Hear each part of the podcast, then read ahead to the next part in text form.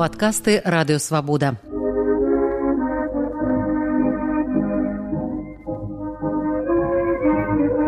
Сто гісторый пра БНР з Сергеем Шупам.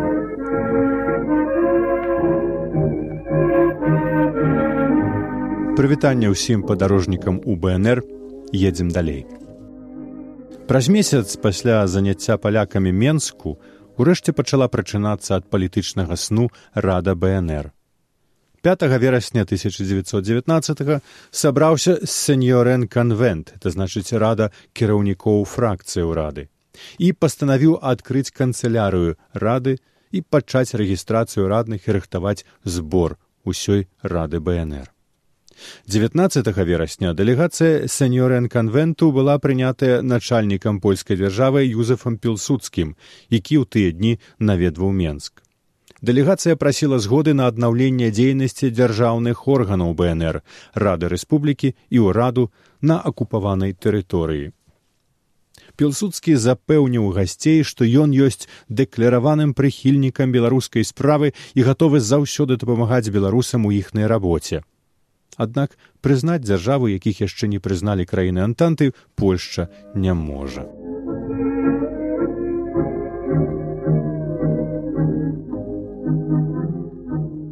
красамоўнае апісанне стану беларускай справы ў падпольскім менску падае макар косцевіч у лісце антону луцкевічу ў варшаву. Маем мы тутака камітэт які ёсць нічым іншым як кавалкам ачуняўшыя рады бнр. Маем звон які можам выдаваць ледзьве ледзьве тры разы на тыдзень.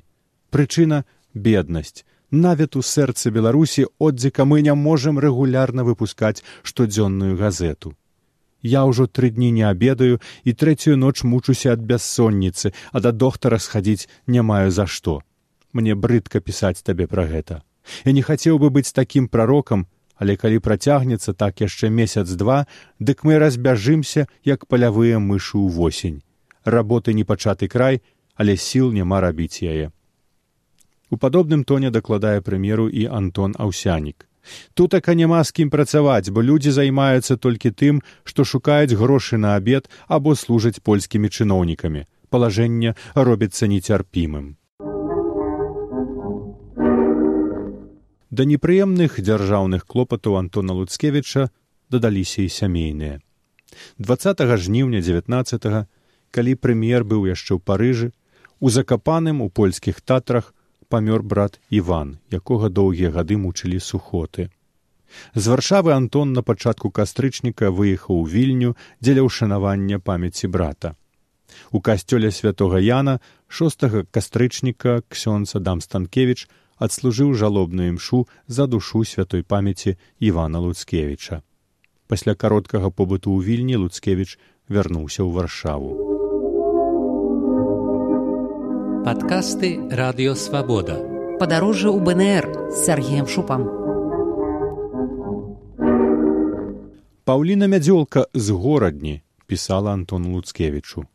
Зіма ідзе а дзетку не маю. Сильно прастудзілася а ў кішані толькі адзін рубель нават на аспірыну не маю.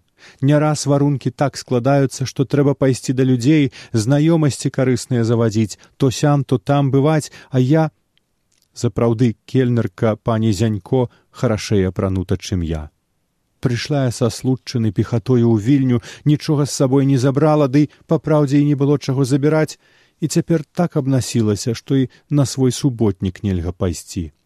Трохі паскудна робіцца на душы, гледзячы на іншых, ну але нічога, абы хоць маленькую карысць сабой прынесці бацькаўшчыне.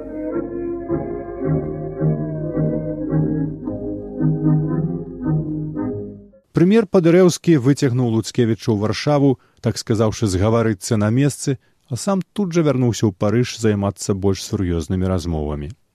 Луцкевіч чакаў свайго занятага суразмоўніка два месяцы сустракаўся з драбнейшымі ўрадоўцамі якія нічога канкрэтнага не абяцалі сустрэўся нават з начальнікам пелсудскім але і той візіт ніякіх вынікаў не даў.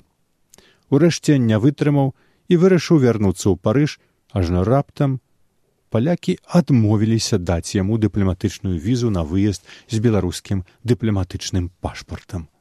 Так старшыня рады народных міністраў і міністр замежных справаў бнр апынуўся ў пастцы а яго чакалі і ў парыжы дзе яшчэ працягвалася канферэнцыя і ў берліне дзе працавала рэшта кабінету і ў менску дзе рыхтавалася сесія рады бнр і ў юр'еве тарту дорпаце дзе мелася адбыцца важная канферэнцыя балтыйскіх краінаў і беларусь мог прадстаўляць на ёй толькі ён з варшаўскай пасткі антон луцкевич 29 кастрычніка дасылае маршалку рады бнр язэпу лёсіку справаздачу пра міжнароднае становішча беларусі ад моманту выезду з менску ў снежні 18 вынікам дыпламатычнай працы паводле луцкевіча было фактычнае маўклівае або прынцыповае прызнанне з боку ўкраіны нямметчыны чэхаславатчыны латвіі эстоніі наогул нягледзячы на тое што ўкраінцы маюць і войска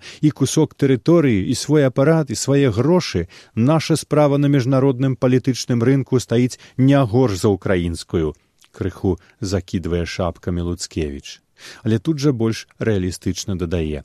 Аднак мы маем і страшэнны мінус который для нас становіцца з кожным днём усё больш грозным у меру развіцця нашай справы і наспявання яе развязкі. Это тое што мы не маем ні тэрыторыі ні сталіцы ні апарату ні войска ні грошай.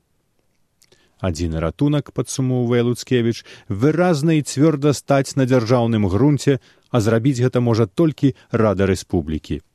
І прапануе склікаць сесію рады не пазней за першую палову лістапада. Падкасты радыёвабода падарожжа ў бнр з сергеем шупам.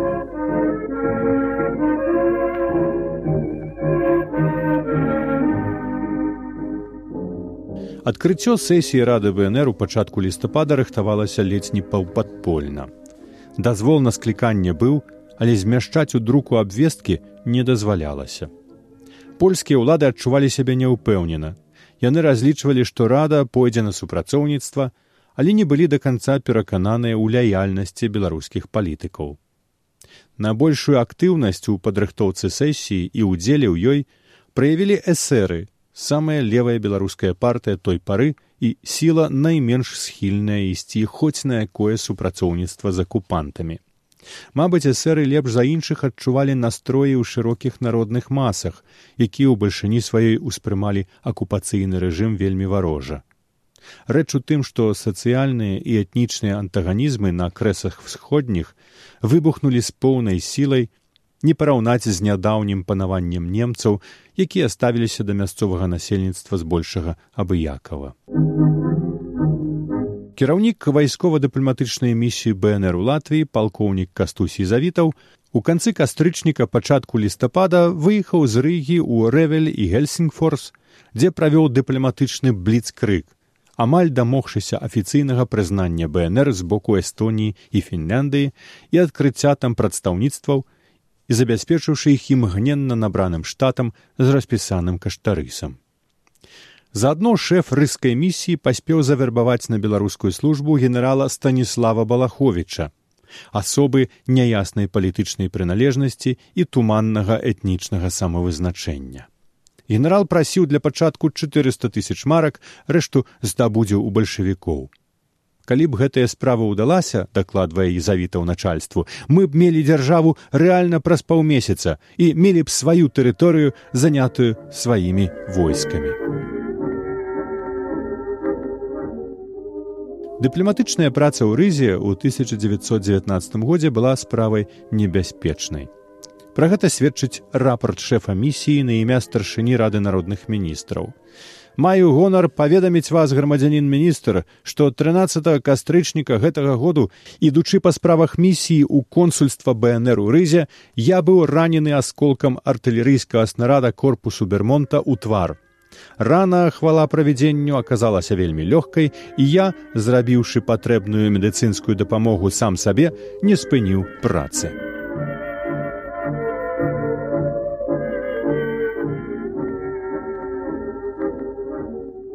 Вы слухали падкаст радыёвабода. Наступны выпуск праз тыдзень. Усе падкасты свабоды ў інтэрнэце на адрасе свабода кропка орг.